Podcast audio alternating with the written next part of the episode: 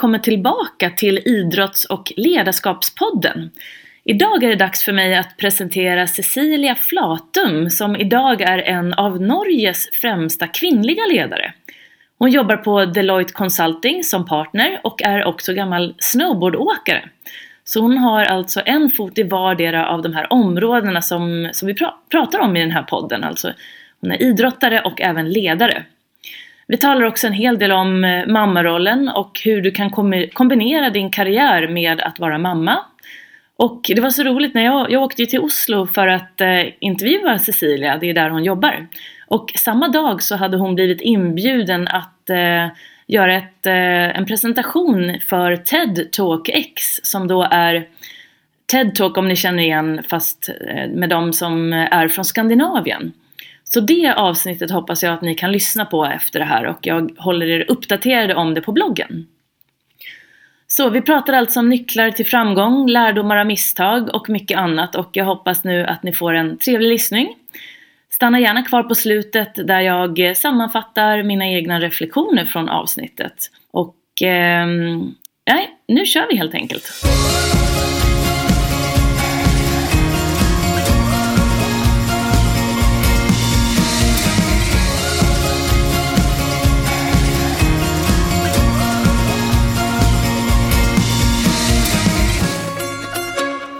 Säger jag varmt välkomna till det femte avsnittet av Idrotts och ledarskapspodden. Och idag befinner jag mig i Oslo och med mig har jag Cecilia Flatum som är idag en av Norges ledande ledarskapsbloggare. Hon är den första kvinnliga norska partnern i Deloitte Consulting som är ett multinationellt revisions och konsultbolag. Hon är idrottspolitiker, snowboardexpert och mamma till tvillingar. Och hon brinner för att inspirera kvinnor och män till att vara ledare och samtidigt kunna ha ett fungerande privatliv. Så idag kommer jag ha en pratstund med Cecilia och området är som vanligt i denna podd idrott och ledarskap, mål och drömmar, lärdomar av misstag, nycklar till framgång och hur man mår bra på vägen dit. Varmt välkommen hit Cecilia! Tack! Jättekul att du kunde ställa upp och komma hit. Jag vet att ditt schema är tajt. Eh, jag tänkte vi skulle börja lite om din bakgrund. Så vem är egentligen Cecilia Platum? Ja, Hvem er Cecilia? Det er jo et langt uh, spørsmål. Uh, jeg kan jo starte med, siden dette er en svensk pod, med å si at jeg er halvt norsk og halvt svensk. Min mamma kommer fra Haslesund ved Smøgen. Så har jeg vokst opp på en bondegård Eh, oppe i nord, nord i Mo i Rana. Eh, men det hører du ikke på mitt eh, språk og min dialekt. Jeg skal forsøke å snakke i hvert fall tydelig til de svenske lytterne. I dag så sa du jo litt om meg innledningsvis. Jeg er en kvinne på 41 år som har Jeg prøver å holde liksom balansen i livet med to fine gutter på to år, samtidig som jeg har en eh, jobb som jeg er veldig glad i. og hele tiden mange sånn, personlige prosjekter, ofte relatert til idrett. Mm. Ja, det skal bli så spennende å få høre om eh, både din, eh, hur du jobber i dag og hvordan du får ihop det her med balansen og alla din, all din kunnskap som du har samlet på deg innom lederskap. eh, livet i det hela. Så eh, det här är ju idrott och ledarskap som det handlar om. Så jag tänkte, du har ju varit aktiv idrottare. Vilken, vilken eller vilka sporter är det som du har mest koncentrerat dig på? Jeg, en, jeg er jo norsk, så jeg kommer fra en typisk norsk idrettsfamilie som eh, gikk eh, langrenn, ski. Eh, jeg tror jeg gikk mitt første langrenn da jeg var to år. Vi var tre søstre. Alle var aktive langrennsutøvere, og det var det vi gjorde hver eneste helg, og trente på ukedagene. Eh, på somrene så var det mye friidrett. Eh, men jeg var nok en av de mange barn og ungdommer som syntes det var gøy med idrett, og hadde gode prestasjoner. Jeg er jo lang og sterk, men jeg hadde Jeg var en, en, av de mange Jeg vet ikke hvordan det er i Sverige, men i Norge så er det veldig mange ungdommer som slutter i idretten når de kommer i tenårene. Eh, og da jeg ble 16 år, så følte jeg at jeg måtte liksom velge. Mm. Eh, og det er liksom rart å tenke på at jeg følte det valget veldig sterkt. Jeg måtte velge idrett eller skole. Eh, så ung. Så jeg, jeg, ønsket jo da jeg var gode karakterer, så jeg ville fortsette med fokusere mer på skole. Så når jeg kom til studentidretten, så dette var kanskje litt sånn rebell til langrenn. Så begynte jeg mer med telemarkkjøring og hadde veldig mye glede av det. Eh, og så i 1997 så prøvde jeg, sto jeg på snowboard fra første gang, og det var bare der var det gjort, vet du. Ah. Kjærlighet ved første blikk. ah. ja. Så eh, det har jeg gjort de siste 20 årene. Um, og i dag så um, driver jeg veldig variert. Jeg tror det å drive med idrett som barn er så utrolig viktig, fordi at da får man med seg det gjennom hele livet. Mm. Men jeg eh, var aldri noen eh, sånn konkurranse eh, spesielt god på snowboard. Men jeg veldig raskt, ettersom jeg kommer fra en idrettsfamilie, så var jeg veldig interessert i å organisere, være en del av miljøet. Og tok veldig mye del i den studentidrettsklubben da, hvor snowboard var. Mm. Så når jeg var ferdig med studiene, så tror jeg man på en måte kommer til et nytt sånn punkt i idrettslivet hvis man ikke har valgt å satse på karriere. at man faller jo igjen liksom ut av studentidretten, og det er jo ikke naturlig å melde seg inn i en klubb eller noe sånt, og man kan bli kanskje litt alene. Og jeg følte det, så jeg eh, oppsøkte snowboardmiljøet på nytt. Eh, og eh, Eh, jeg tok et medlemskap, og jeg, jeg kjørte faktisk en norgescup i snowboard. Ah. Gikk ikke så veldig bra, men jeg var, liksom, jeg var liksom opptatt av å være en del av miljøet og syntes det var kul. Og så etter hvert så hadde jeg da en master i økonomi. Så da ble det jo, kjente jeg noen som skulle satt i valgkomiteen da, til mm. Eh, styrelsene da, i det norske snowboardforbundet. Mm. Og da var det noen som sa men Cecilia, du har jo et stort hjerte for idretten, og du er så glad i snowboard, og så har du en finansbakgrunn som snowboarden trenger. Så da var jeg plutselig inne, og plutselig var jeg idrettspolitiker i 2002. 2002 var det, ja. ja. Så, nu, så du har du jobbat, eh, du har både vært aktiv og blivit siden aktiv som politiker kan man si, innom snowboard framförallt. Um, och så har du då ditt jobb på Deloitte som vi kommer komma fram, prata om lite mer senare. Men vad är det för likheter mellan de her bransjene?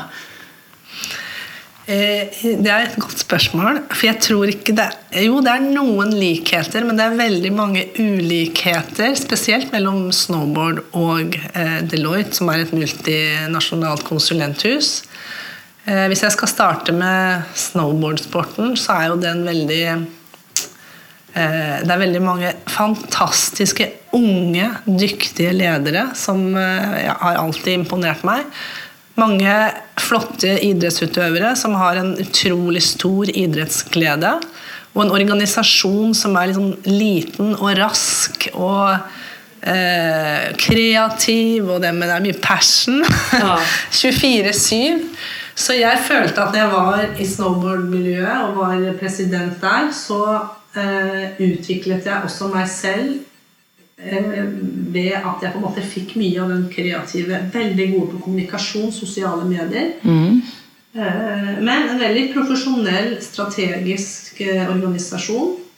På den andre siden så har man Deloitte som er hva skal jeg si Jeg vil si mer seriøs, men ikke mer seriøs i negativ forstand. Altså Deloitte er jo et stort selskap. Det er som et tankskip som bare liksom durer av gårde, mens snowboard er med en sånn vannscooter som liksom hopper i, i vei.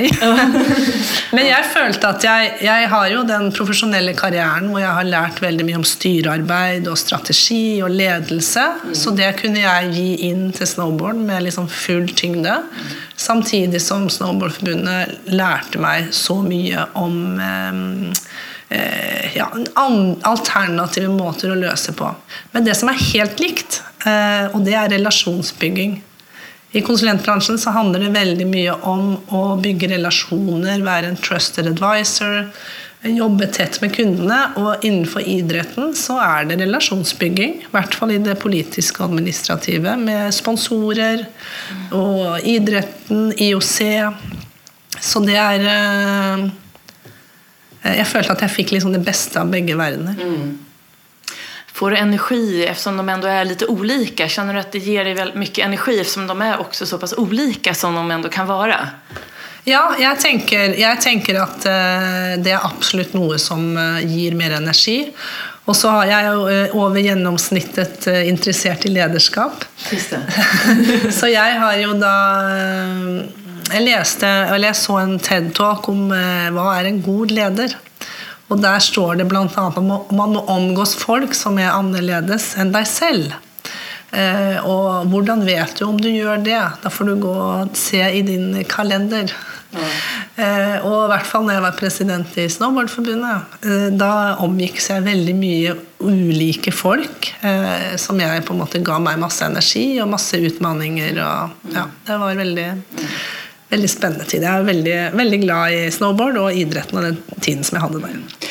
Hvor mye tid legger du ned på eh, Norges snowboardforbund i dag? Kontra, du har jo et heltidsjobb på Deloitte. Ja, eh, i forhold til eh, Snowboardforbundet, så den rollen gikk jeg jo ut av eh, her i juni.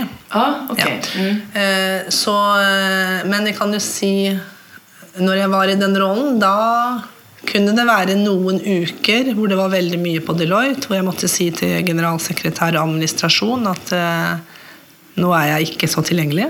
Så kunne det være andre uker hvor jeg kanskje brukte 20-30 timer. Men det er det når man gjør noe man elsker og er glad i, så tenker man ikke så mye på tiden. Da bruker man lørdag, søndag, kvelden av og til møter midt i arbeidstiden. Ja.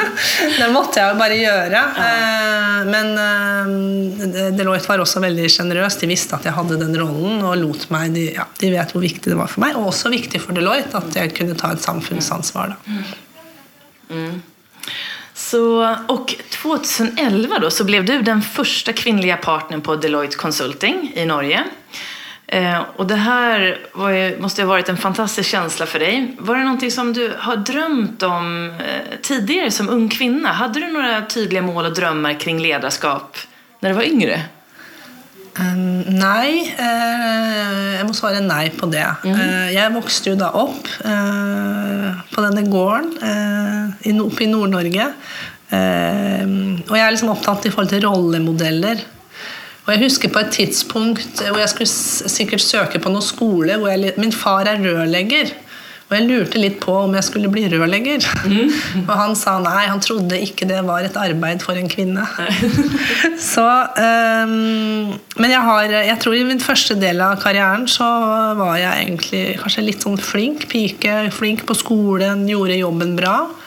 Og så når jeg hadde vært i Deloitte i ett og et halvt år, så på en måte forsto jeg at jeg hadde muligheter. Da, at jeg hadde evner til å bli partner. Jeg visste, at, jeg visste ikke at jeg hadde muligheter. Jo, jeg visste jeg hadde muligheter, men jeg forsto at hvis jeg skulle bli det, så måtte jeg på en måte jobbe strategisk med det. og da satte jeg meg veldig sånn, klare mål i forhold til det. Og jeg jobbet veldig mye med sånn intern lobbyvirksomhet. Jeg hadde en intern mentor.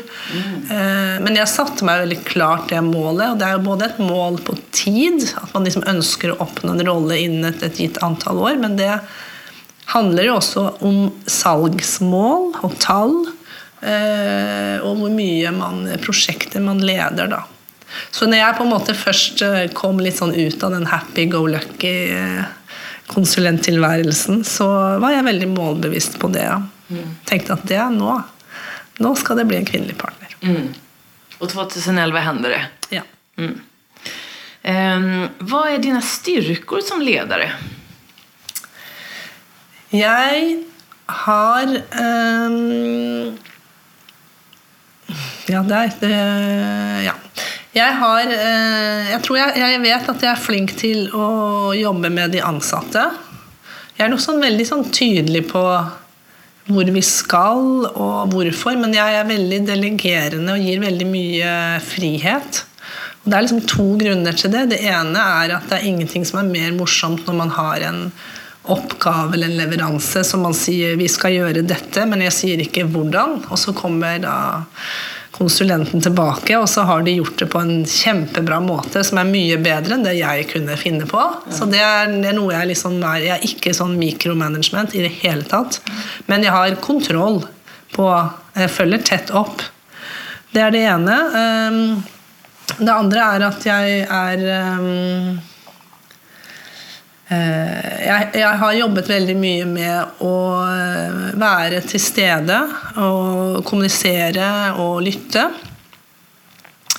Eh, for å på en måte forstå Jeg har en personlighet som heter pioner, og det betyr at man er veldig hele tiden nye ideer, og man er litt sånn hopp og sprett. Mm. Men jeg har jobbet veldig mye med en side av meg selv hvor man liksom setter seg litt ned og på en måte også tar Hva skal jeg si tar liksom hører, hører, på de ansatte, at de føler seg hørt. Og det er jo noe som er mer og mer viktig for dagens, uh, dagens generasjoner. Mm. Um, jeg har uh, en stor kapasitet, arbeidskapasitet. Men jeg går sjelden liksom, og prater om hvor mange timer jeg jobber, for det er jeg ikke så veldig opptatt av. Jeg er veldig opptatt av hvordan jeg jobber, og hva, at man gjør de riktige tingene.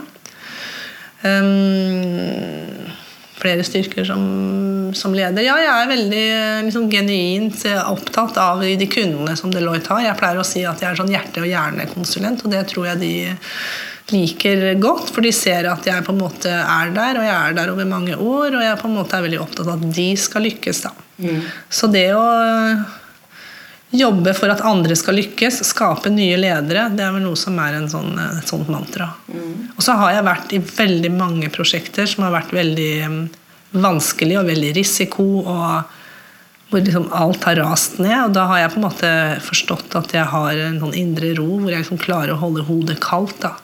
Og det er, uh, tenker jeg er en sånn uh, mm. liten bonus. Det har litt mm. med erfaring å gjøre, men det har også litt med personlighet å gjøre. Ja.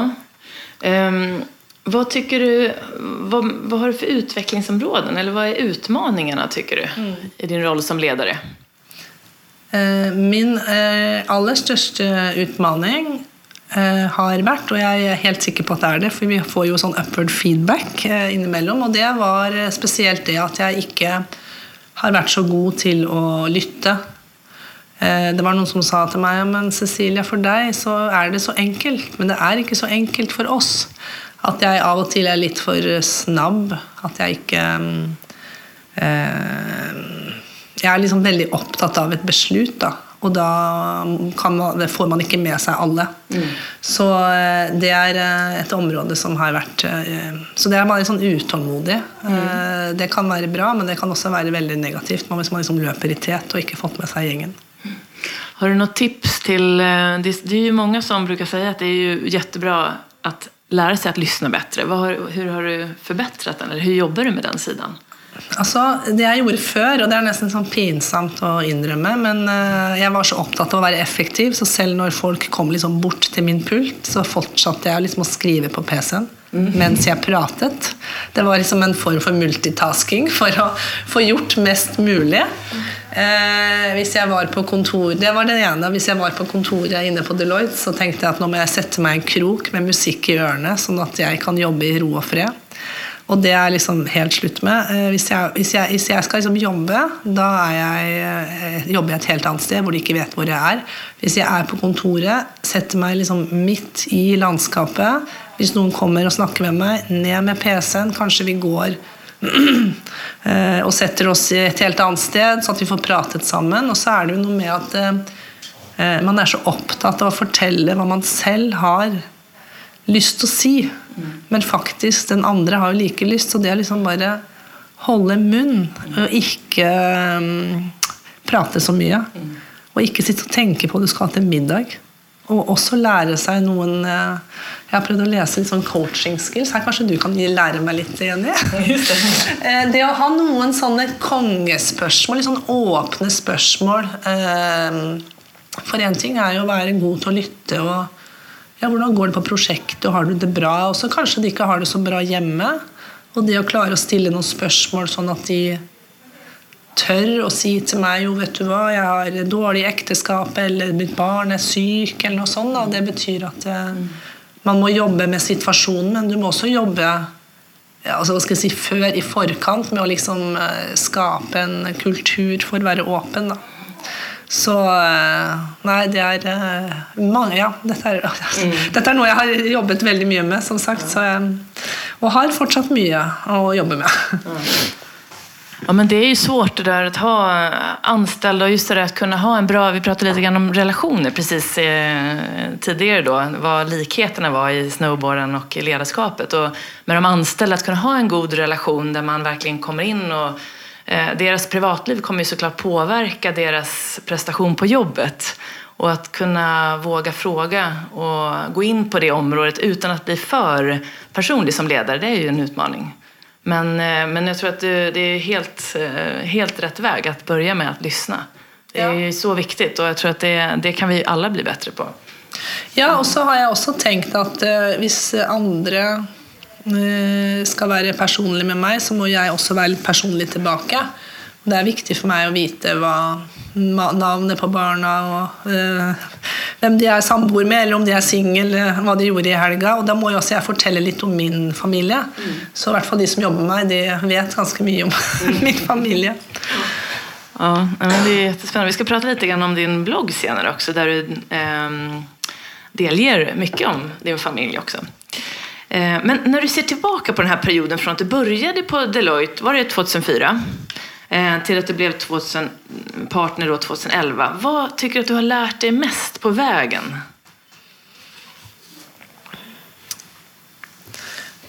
Hvis jeg skal være litt sånn personlig, hva jeg føler at jeg har lært mest, så er det at man må liksom være trygg på seg selv og tro at man har muligheten. Eh, og Jeg har av og til kalt meg selv sånn late bloomer, for jeg tror liksom det tok liksom lang tid før jeg forsto at jeg hadde et potensial. Uh, og det tror jeg kanskje liksom har først fikk bekreftet og fikk jobbet aktivt med gjennom de årene som jeg har hatt i Deloitte. Uh, og det som er også Så det er det på en måte å ha en økt, selv, en økt selvtillit. Det, det, tror jeg jo kanskje spesielt vi kvinner kan godt ha. At det er helt ok å ta litt plass. Og hvis man har gjort noe, noe bra, så er det liksom helt ok å fortelle det høyt. Um, for det er mange ambisiøse mennesker i private næringsliv, og det er, liksom, det, er liksom, det er, helt ok å si at man er bra. Uh, det andre som jeg tenker er, som jeg ser tilbake på, og det er Eh, det skjer utrolig mye spennende i Deloitte akkurat nå. fordi det er jo en stor sånn, omstilling i samfunnet med innovasjon og digitalisering. og eh, Vi ansetter folk med helt forskjellige bakgrunner fra oss selv. og det å bare se hvordan det å snakke med andre som er eh, annerledes enn meg selv, da, og deg selv, det er det som er mest givende og mest læringsrikt. Så Eh, jeg tror det er litt sånn eh, todelt. Så akkurat nå så bruker jeg mye tid på å prøve å møte andre mennesker som har helt andre bakgrunn enn meg selv. Det var litt vi var tilbake til med Snowball og Deloitte. Eh, det er jo da man utvikler seg og får liksom nye perspektiver på tingene. Av og til så kan vi bli litt sånn inni en tunnel. Mm. Mm. Og du nevnte at du hadde en intern mentor på Deloitte. Var det noe som du aktivt sökte själv eller var det någonting som kom med jobbet? Så att säga? Ja, det var, uh, dette var i den fasen hvor det ikke var noen kvinnelige partnere i min avdeling. Så da var det et internt mentoropplegg hvor de fra revisjonsavdelingen uh, stilte som mentorer. Det var både kvinner og menn for oss uh, kvinner i konsulting. Men da gjorde jeg et valg som jeg nesten er pinsomt å innrømme. Men uh, det er vel det man skal på sånne podder. Ja, Fortelle om rare ting. Nei, jeg uh, hadde liksom en sånn tanke i mange år om at man skulle lykkes. Og det har jo noe med at alle de jeg liksom så over meg, var jo menn. Så jeg tenkte hvis jeg skal være suksessrik, så må jeg tenke som en mann. Og jeg må gjøre som en mann. Så når jeg skulle velge mentor, så tenkte jeg at jeg må jo velge en mann. og jeg må jo velge den eldste mannen. Da får jeg mest uh, kunnskap. Men han eh, Terje, som han heter, som jeg fulgte med mange år, han var kjempebra. og vi hadde samtaler, og jeg kunne stille han alle spørsmål som jeg lurte på. Og det jeg lurte kanskje mest på, var det om at eh, Jeg forsto jo at jeg, jeg, jeg, kom ikke til å ha barn når jeg ble partner. Og var det aksept for at jeg kunne ta mammaledig som partner. For det var det jo ikke så mange som hadde gjort eh, noensinne. Eh, Så det ville jeg jo ikke spørre mine egne sjefer om, for da var jeg jo sånn Jeg var så redd for å ja, hva skal Jeg si? Jeg var så redd for at de ikke skulle se på meg som en kandidat. Jeg turte ikke si det. Jeg, men da kunne jeg gå til han, for han var jo i samme selskap, men han var i en annen avdeling, og han var jo den mest erfarne, eldste. Så jeg kunne gå til han og spørre bare ja, tror du jeg kan bli partner selv om jeg ikke har barn? Og det er, helt, det er litt sånn sykt at jeg tenkte det, men det var man legger til, av og til liksom på seg sånne selvpålagte sannheter. Og han sa nei, men Cecilia, det går helt bra. Og nå har jeg jo vært hjemme i mammapermisjon, og det har gått helt bra. Men uh, jeg tenker ofte på de spørsmålene jeg stilte meg selv, at kvinner i dag de setter også noen av de samme spørsmålene. Altså, det er viktig, og ja, Apropos det å lysne og, og lytte og være og det, er, det er kjempeviktig. Jag kommer ihåg, det påminner mig om när jag blev erbjuden min vd-roll. Jag jobbade som vd på en resebyrå i sju år och precis när jag fick frågan, då hade jag inga barn. Men jag hade träffat min man då och vi hade varit tillsammans i ett halvår. Och jag visste ju att jag ville ha barn, men jag vågade inte säga det till den som skulle anställa, alltså till chefen. Men han som rekommenderade mig jobbet, det var den före detta vdn. Honom frågade jag och sa det att jag kommer vilja ha barn. Och jag, ska jag fråga eller inte? att det är okej. Okay. Han bara, nej, det, du kan inte fråga det, men, men det, kommer vara, det kommer gå bra. Det är ju ingen som vet, man vet ju faktiskt inte heller om man kan få barn. Så, men, och jag blev gravid efter ett halvår. men det gick också bra. Och min chef ställde upp och var till och med vd på, till 30 procent när jag var mammaledig. Så det löser sig. Men som kvinna tror jag man har den där, om man nu inte har barn innan, att den där frågan finns alltid där. Hur det ska gå och kombinera det. Kan man vara mammaledig? Även om det är en hög tjänst. Mm. Ja, for vi kjenner så stort ansvar. Eh, og vi er liksom redd for å En ting at man er redd for å kanskje ikke bli vurdert fordi man skal være mamma, ha mammaledig. Eh, eller at man da Eh, ikke er der, og andre må jobbe ekstra. Men jeg på en måte sa til meg selv at eh, i all verden har jeg vært i Deloitte i tolv år, og jeg er borte i ett år, og jeg skal være der i hvert fall tolv år til. Mm. Hva har det år å si? Og jeg har jo mannlige kollegaer som var pappaledig. Han har tre barn. Han var borte tre ganger i tre måneder. Eh, så Nei, og jeg prøver nå, i hvert fall når jeg hadde en samtale senest i går med en kvinnelig konsulent som er gravid. Så jeg prøver å dele de erfaringene åpent. da. Mm. Eh, for de har jo ikke mm, De tenker det samme som meg. Helt sikkert. Mm. Jeg tror at du er en fantastisk forbilde der. Og som du sier, å kunne være åpen med det er kjempeviktig. For at eh, det løser seg alltid. Eh, så från idrotten till näringslivet då. Eh, du har jobbat inom både idrottsvärlden som politiker kan man säga. Och eh, då med snowboard och sen har du då ditt, eh, jag brukar kalla det vanliga arbetslivet. eh, vad är dina reflektioner kring vad näringslivet kan lära sig av idrotten? Du som har sett båda sidorna. Ja, jeg tenker jeg skal bruke en, I forrige uke så var jeg på en konferens om ledelse. Og det siste foredraget der det var en presentasjon fra hopp-landslaget fra Skiforbundet. Eh, og jeg syns de presenterte veldig godt, og det var sportssjef og landslagssjef som presenterte eh, hvordan de hadde jobbet med eh, de prestasjoner som Norge har innenfor hoppsporten, som har vært fantastiske de senere år. Og idretten er jo veldig, den er veldig målbar. Det handler om medaljer. Førsteplasser, andreplasser, tredjeplasser. Eh, og det tenker jeg at eh, det er, og de måler altså mye annet også av utøverne underveis, men det ultimate målet er jo ofte medaljer. Eh, og innenfor næringslivet så setter vi oss jo også mål som er tydelige, veldig ofte liksom budsjettmål. De er kanskje ikke like motiverende som gullmedaljer. Eh, men her er det jo i hvert fall man kan lære liksom av hverandre i forhold til målsetting. Og så tenker jeg at En idrettsutøver måles jo også underveis eh, på spenst og styrke og O2-opptak. og Man kjører noen konkurranser hvor man matcher med sine peers.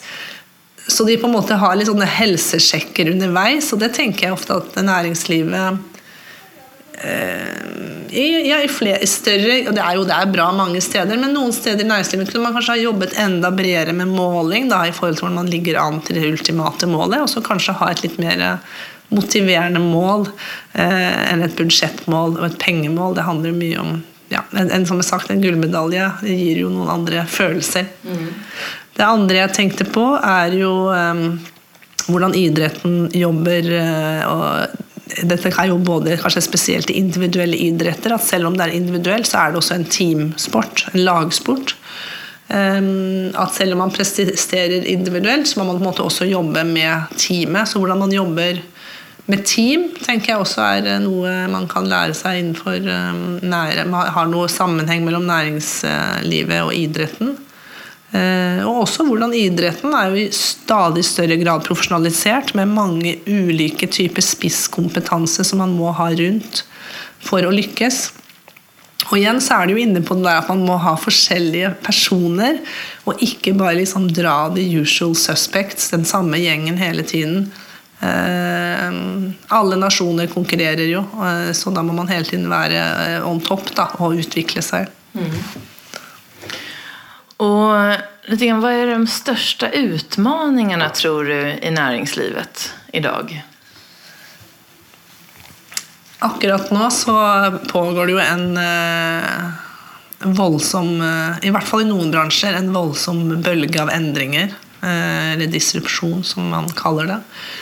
Og jeg tror det kommer til å treffe stadig flere bransjer. Vi har sett det i bank, og vi har sett det i musikk med Spotify. Vi har sett det med Airbnb. Og det som på en måte var en solid business i dag, det kan snu opp ned på veldig kort tid om man ikke er liksom dynamisk og ser liksom ut av um, den virksomheten man har i dag. Så jeg tenker at um, næringslivet har en Og det går så fort. Eh, teknologien utvikler seg så fort, så jeg har liksom ofte tenkt som en konsulent at nei, nei, vi må først se på prosesser og organisasjon, og så kommer teknologien. Men sånn er det ikke lenger. Teknologien setter liksom føringer på hvordan, man, hvordan virksomheter fungerer. Så de bedrifter som ikke har liksom hoppet på den digitaliserings- og innovasjonsbølgen, de må gjøre det. Hvis ikke så er det, eh, er det risiko. Um, Ja, och eh, vad, om vi tar det tvärtom, då, vad är de största utmaningarna i, inom idrotten idag? Da tenker jeg egentlig langs to dimensjoner. Jeg mener, jeg vet ikke hvordan det er i Sverige, men i, eh, i Norge så mener jeg eh, sterkt at også den norske idrettsorganiseringen burde gjennom en større transformasjon for å bli mer dynamisk og smidig, og at man får rett og slett sånn raskere beslutninger ut i systemet. Eh, så det er litt likt egentlig næringslivet. Men så tenker jeg også at idretten står overfor noen sånne etiske utfordringer. Det i dag det ruller opp en del eh, Vi har jo steder rundt Rio med Russland og doping. Vi har også hatt noen utfordringer nå her i Norge med noen eh, hva skal jeg kalle det, potensielle dopingskandaler. Um, kampfiksing Det gjør jo at man uh, mister liksom altså Idrettsutøvere er jo heltene i samfunnet vårt. Og nå begynner vi liksom å stille spørsmål ved det. Jeg syns det gjør litt sånn vondt, faktisk. For jeg er så glad i idretten. Og jeg tenker på alle de som uh, er på en måte gjør det etisk og riktig. Og så er det liksom ikke helt fair play. Så det syns jeg er en uh, annen stor utfordring. Og det vil jo kan jo også slå fatalt økonomisk ut da, i forhold til sponsorer. Mm. At man ikke prioriterer å sponse idrett, man prioriterer heller å gjøre det mer eventbasert og oppsøker andre typer bransjer. Mm. Så idretten uh, har en del utfordringer som man må jobbe med. De må ha gode ledere. Ja, exakt. Mye bra. Mye må ha sterkt uh, hva skal jeg si, uh, fremtidsrettet lederskap. Ja. Jeg kom på en ting som er en til utmaning for næringslivet og, det jo, og, dette er ikke en utmaning, dette er jo the, the, future. Og det er jo alle de unge menneskene som nå kommer ut av skolen og som blir rekruttert inn. Eh, vi har jo lenge hørt om generasjon X, men nå har jeg lært at nå kommer generasjon Z. Ah. Som eh, har andre verdier og prioriterer annerledes og vurderer annerledes. Så også vi som ledere, eh, vi må også hele tiden være i synk med de generasjoner som kommer ut. For ellers så er vi jo utdatert som ledere, da. Mm. Og det er noe av det som jeg syns er morsomt med at jeg jobbet med Snowboardforbundet, og også nå med bloggen.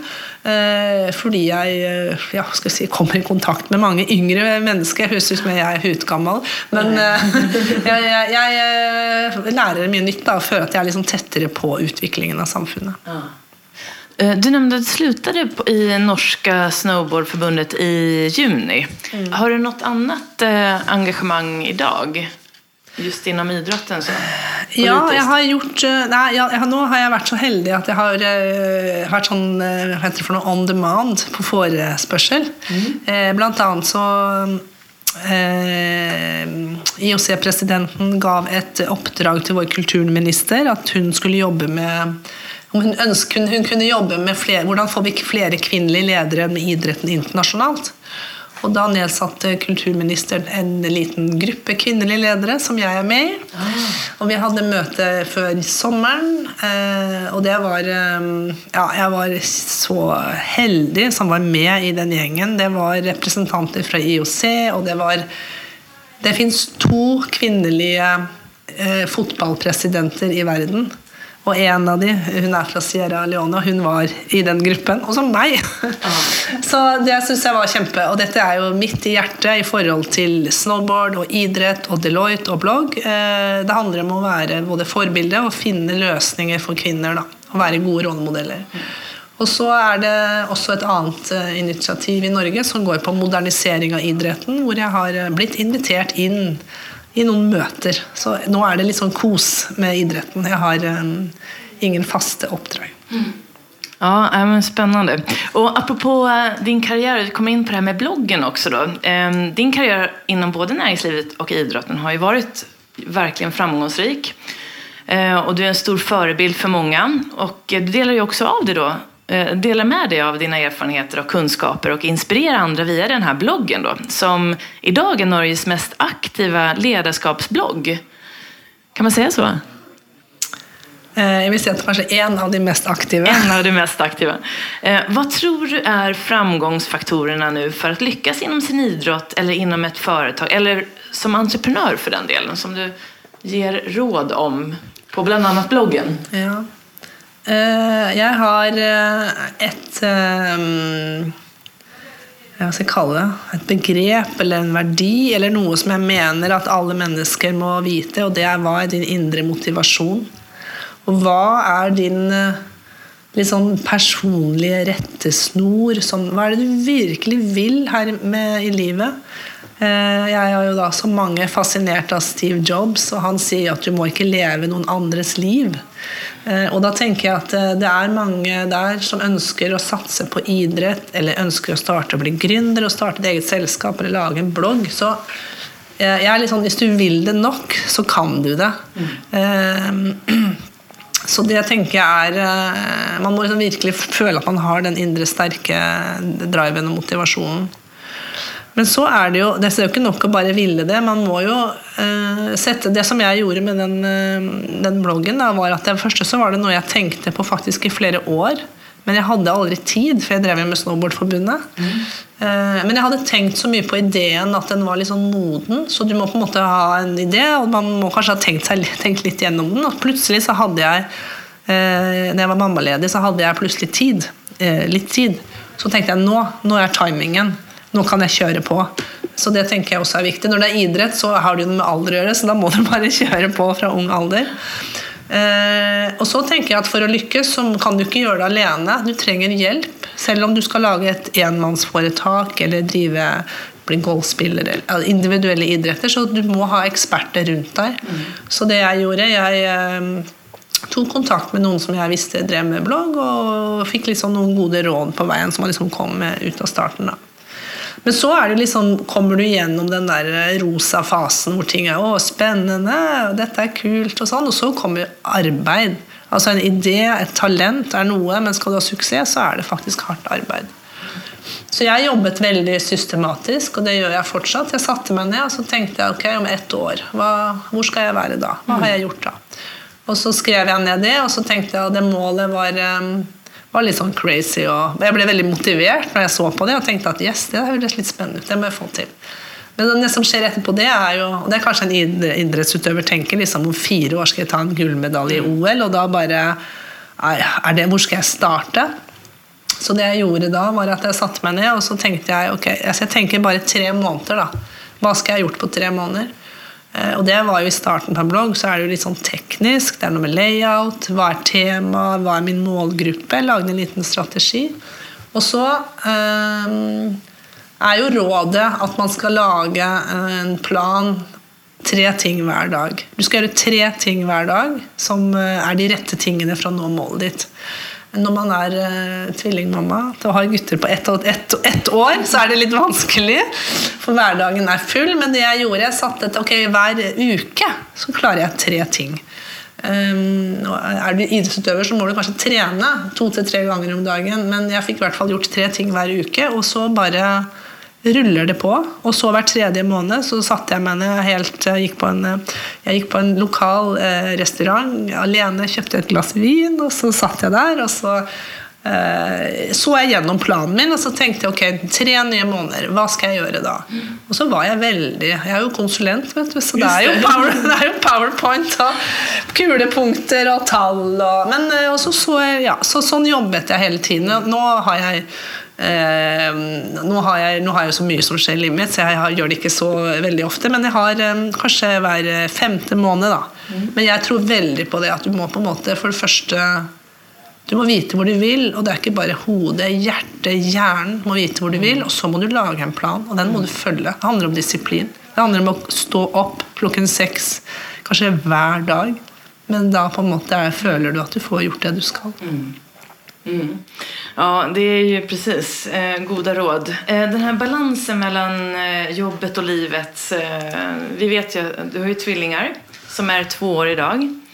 Eh, och eh, du har säkert erfarit då stora, många saker när det gäller just att hålla balansen och må bra på vägen. Och det här är någonting som vi i Sverige diskuterar väldigt mycket. Det är många, både kvinnor och män, som blir stressade, utmattningssymptom. Mm man vill ju verkligen klara av jobbet samtidigt som, jag brukar säga när jag var VD så ville jag vara, var det som att jag agerade som singel på jobbet. Och när jag var hemma var det som att jag inte hade något jobb, för då ville jag ju vara den här perfekta mamman. Inte perfekt, jag ville vara den här närvarande mamman. Och det där var ju ganska ohållbart i längden. Och jag fick goda råd på vägen, men jag var så otroligt engagerad i mitt arbete. Så att jag, jag ville ju, och jag tyckte det var roligt.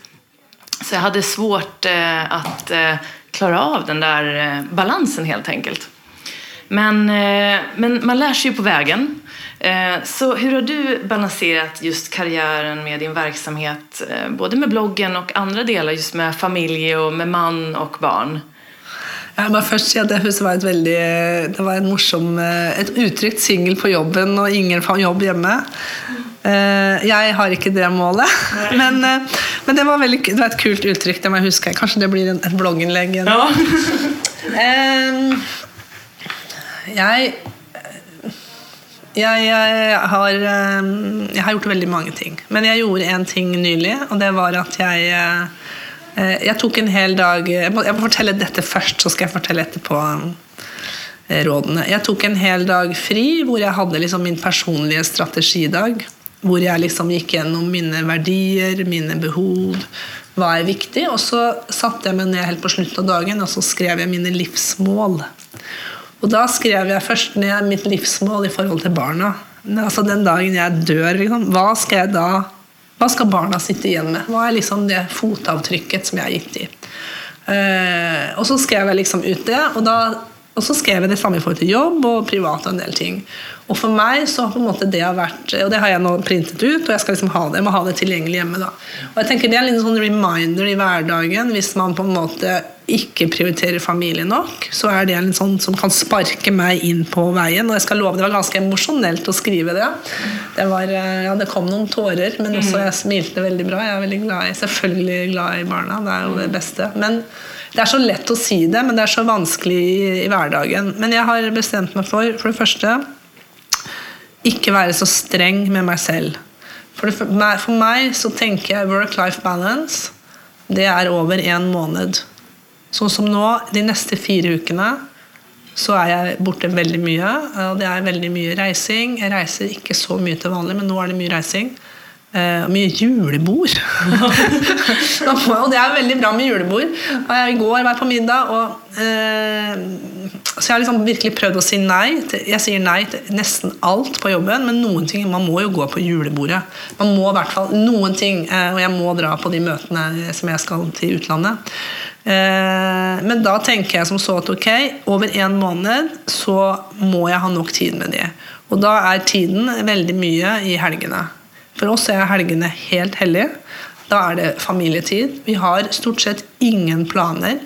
Eh, vi, er, vi, er, fire i familien, og vi koser oss, og vi er hjemme og vi ligger i sofaen, og vi går på trening sammen, alle sammen, og vi er ute. Eh, og leker og sykler og går på ski og liksom Nå er de to år, da. De går ikke på ski ennå! De med akebrett. Så det er ene. Ikke vær for streng, og bruk helgene, helgene aktivt. Og så har jeg vært veldig tydelig på jobben. Alle vet at jeg har to barn. Eh, jeg har lagt inn i min kalender, den er låst, eh, tre morgener og to ettermiddager i uka. Da står all min kalender åpen, alle kan se det klokka, fram til klokka ni. Cecilia har, eh, leverer i barnehage. Så da da kunder booke De ser jo ikke min kalender, så de kan booke det jeg er enig i. Men jeg har eh, satt noen rammer. Mm. For jeg opplevde før så var jeg sånn at eh, kundene kunne ringe meg når som helst.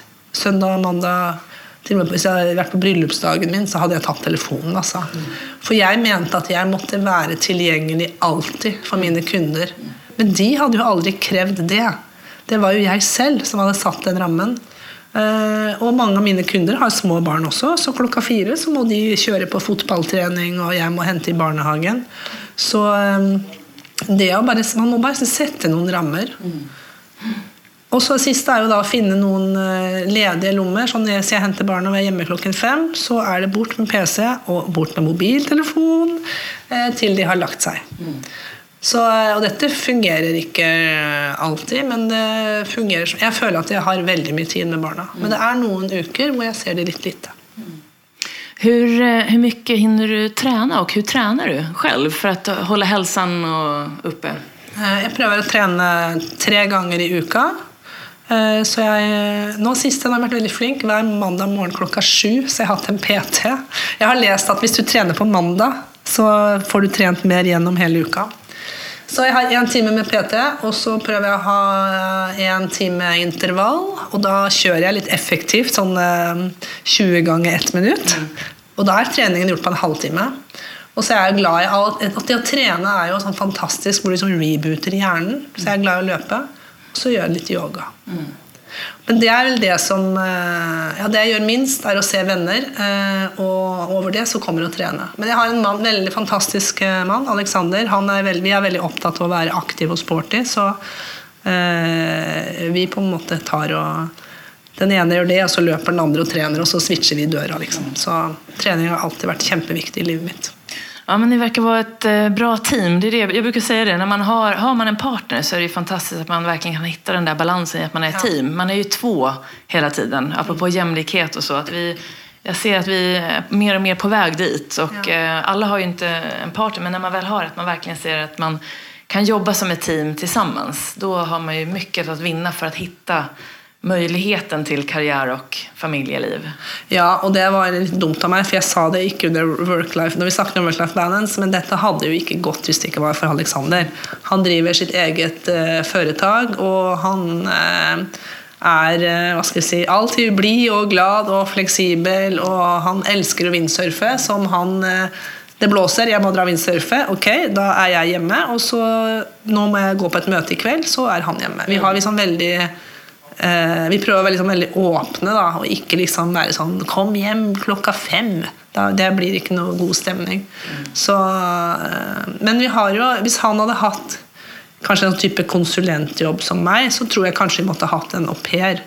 Men uh, vi ønsker ikke det. Da. Vi prøver å få det til med oss, og så har vi da noen veldig dyktige besteforeldre som eh, er på standby når vi må ringe når det er helt krise. Så de i morgen når jeg skal reise til Bergen, da må de hente barna. Men barna elsker jo sine besteforeldre, så det, er også, det går helt fint at de er sammen med andre voksne enn mamma.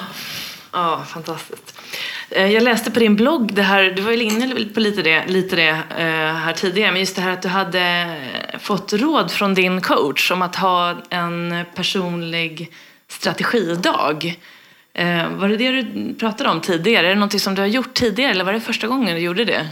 Nej, det var första gången. Jag har liksom aldrig hört om nej, det. Jag har liksom inte tänkt på det. Jag tyckte det var en sån fantastisk idé. Du får gärna berätta ja. vad det var. Ja, det ska jag fortelle om. Det var um, eh, Jeg har gått gjennom en sånn lederprogram på Deloitte, hvor jeg har hatt en coach.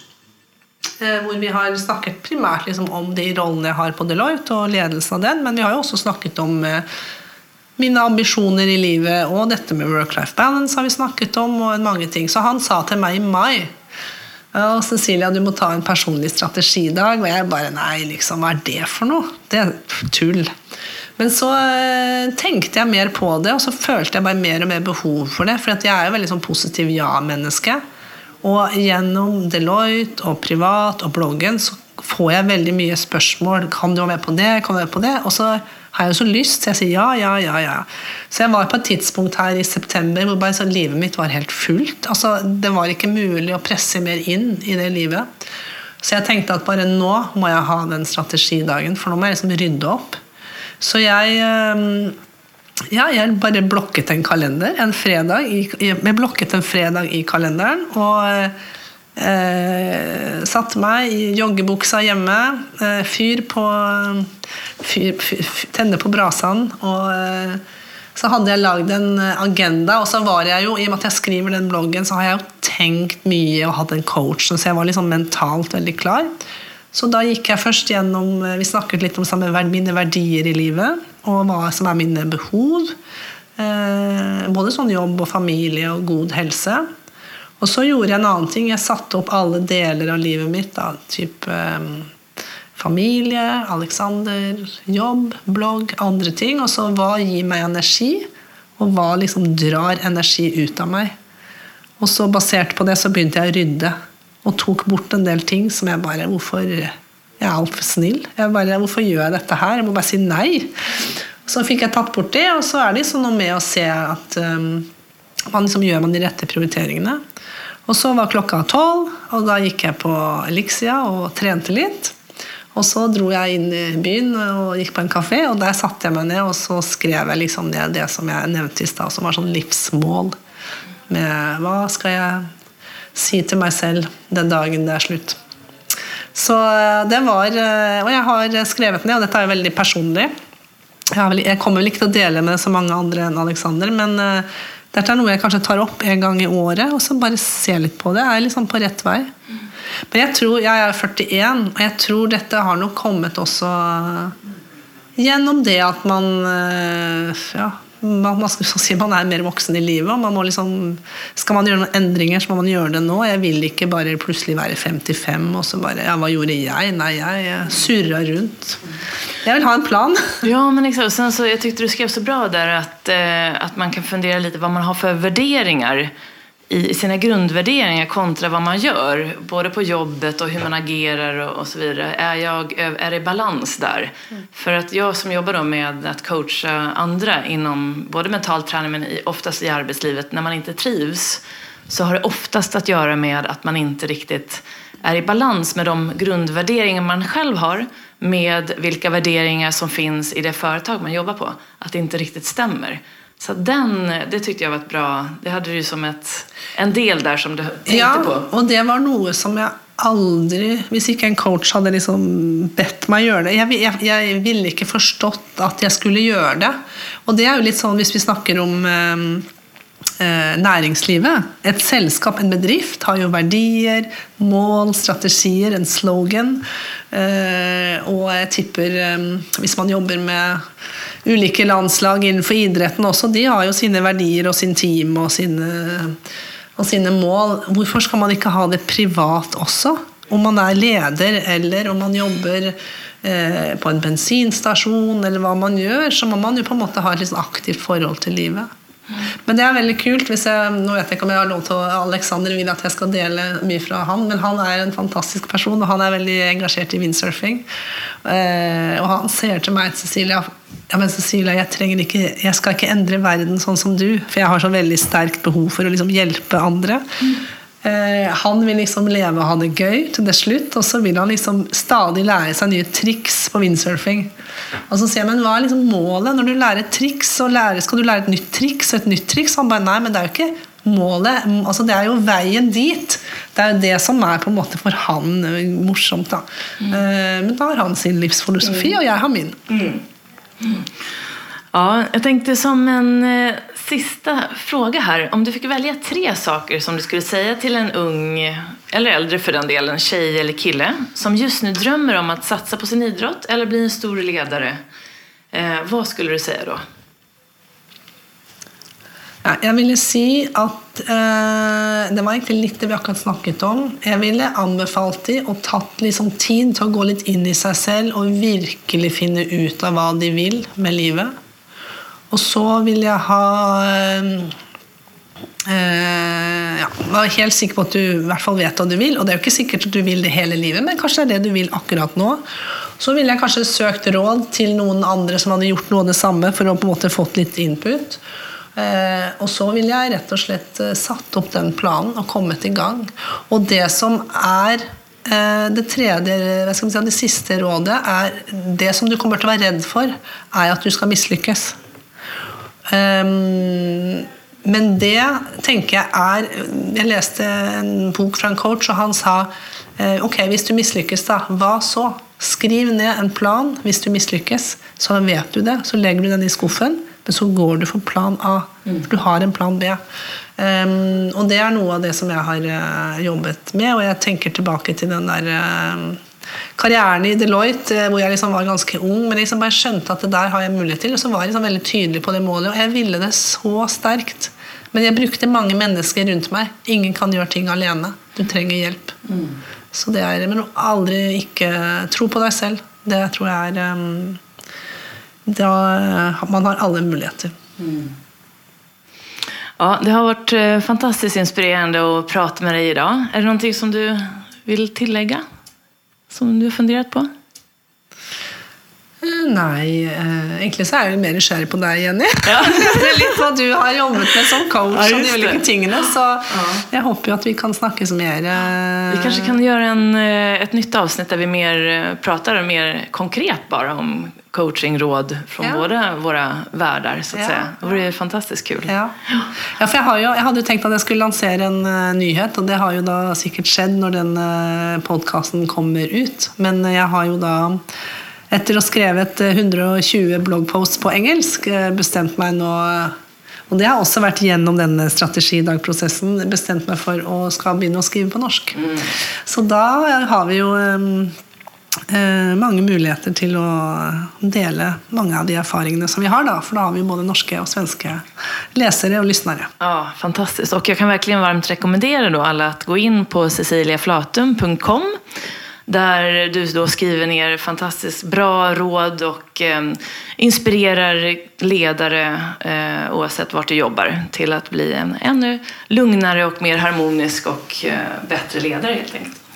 Så ja, varmt tack for at du kom hit idag og delade med deg av alt det her. Jeg vet at som sagt, du har et jättebusy schema.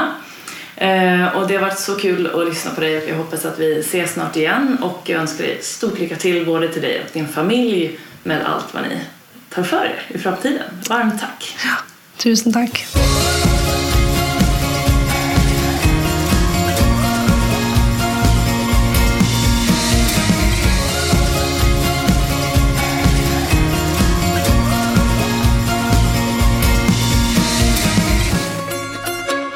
Då har vi lyssnat till min intervju med Cecilia Flatum.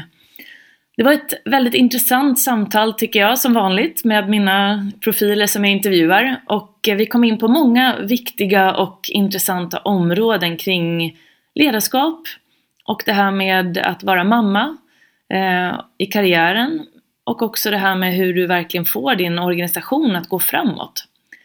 Och jag tar med mig några saker här och eh, bland annat det här med att eh, för att kunna vara en, en, en bra ledare så är det viktigt att kunna vara närvarande.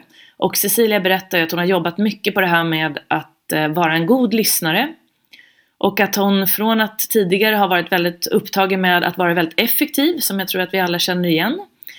Eh, och att det till och med gjorde så att, man, att hon inte lyssnade lika bra för att hon ville inte bli störd.